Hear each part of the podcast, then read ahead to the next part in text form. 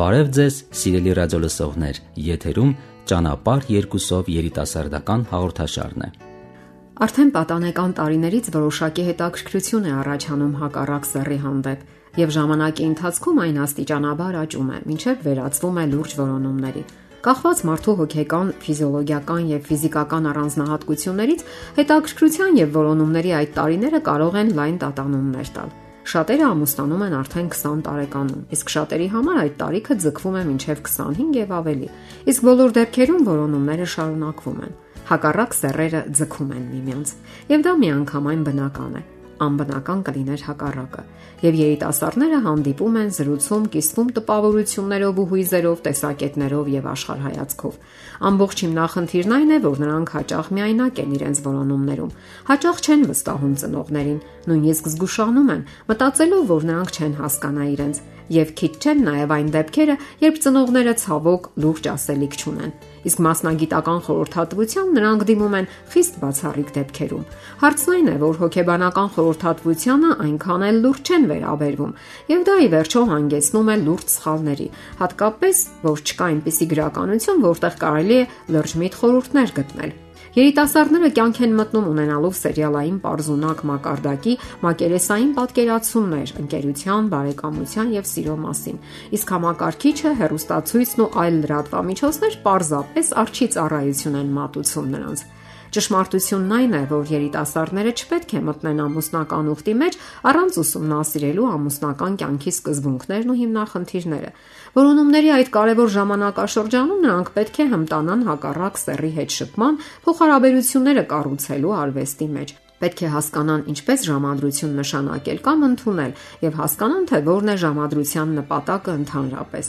Ժամադրություններից է սկսվում բարեկամությունը, ընկերությունը եւ վերջապես սերը։ Դա այն ժամանակաշրջանն է, երբ ստուգվում են միմյանց դիտավորությունները, նպատակներն ու կենսական արժեքները։ Ճանաչում են դիմացինի բնավորությունը, ուժեղ ու թույլ կողմերը։ Շատ են այն դեպքերը, երբ կողմերը թաքցնում են իրենց իրական բնավորությունն ու դիտավորությունները, սակայն հարցն այն է, որ դրանից չի շահում եւ ոչ մի կողմը, նույնիսկ նա, ով դիմել է խափեության։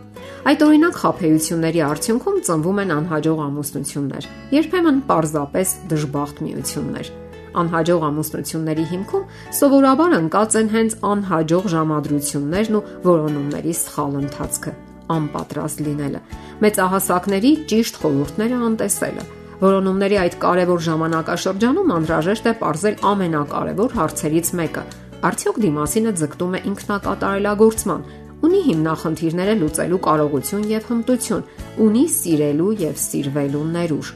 Սիրելի երիտասարդներ, Պատասխանեք այս հարցերին հենց սկզբից։ Եթե նույնիսկ անլուրջ վերաբերվեք, միևնույնն է, ստիպված եք լինելու պատասխանելու ավելի ուշ, երբ արդեն հնարավոր չի լինի շատ բան յետ բերել։ Ծանոթացեք այդ բնագավառում գոյություն ունեցող լավորակ գրականությանը։ Դուրք մի տվեք ժամանակի տրամադրություններին։ Այսպես կոչված նորաձև կամ ժամանակակից գաղափարներն ու պատկերացումները արագ են անցնում, իսկ մնայուն առաքինի եւ բարոյական արժեքները երբեք չեն խամրում։ Հոկեբան Պոլ Մեյեն օրինակ խորհուրդ է տալիս ունենալ ընկերական լայն շրջան։ Պարզել թե մարդկային որ տիպն է ավելի հոգեհարազատ ձեզ։ Ավելի շատ զրուցեք, փորձելով հասկացեք դիմացինին։ Մի բավարարվեք միայն այո կամ ոչ պատասխաններով։ Իսկ միգուցե դրանք ընդհանրապես սահմանափակության եւ նեղմտության դրսևորումներ են։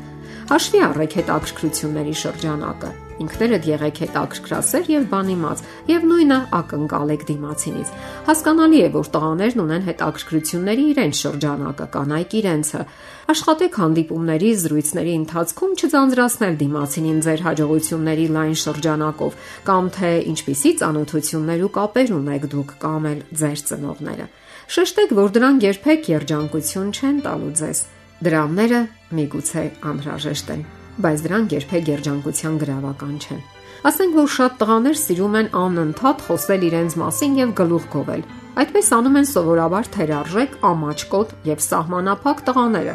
Հարկավոր է կարևորել ժամադրության արվեստը։ Այն մի ամբողջ գիտություն է եւ արժանի առանձնահատուկ ուշադրության, ինչի մասին մենք կխոսենք ավելի մանրամասն մեր հետագա հաղորդումների ընթացքում։ Իսկ մինչ այդ ասենք, որ կարևոր է աստիճանականությունը, ժամադրություն ընդունելու եւ նշանակելու ձևը, հանդիպման վայրը, հանդիպման ընթացքը, Հարկավոր է ճշտել, թե ուր եք գնում, ինչ զբաղմունքի ձև եք ընտրում, ինչպես եք պատրաստվում անցկасնել ձեր ժամանակը։ Հենց այնպես հանդիպելու կարիք երբեք չկա։ Շատ մարդիկ հենց այնպես անց են կացնում իրենց ամբողջ կյանքը եւ ոչ միայն ժամադրությունները։ Նման մարդիկ պատասխանատու մարդիկ չեն։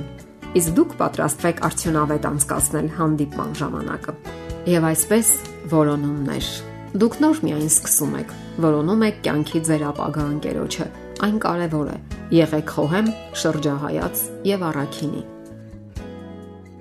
Ձեզ ուզող հարցերի համար կարող եք զանգահարել 093 00 63 27 կամ 094 93 55 77 հեռախոսահամարներով։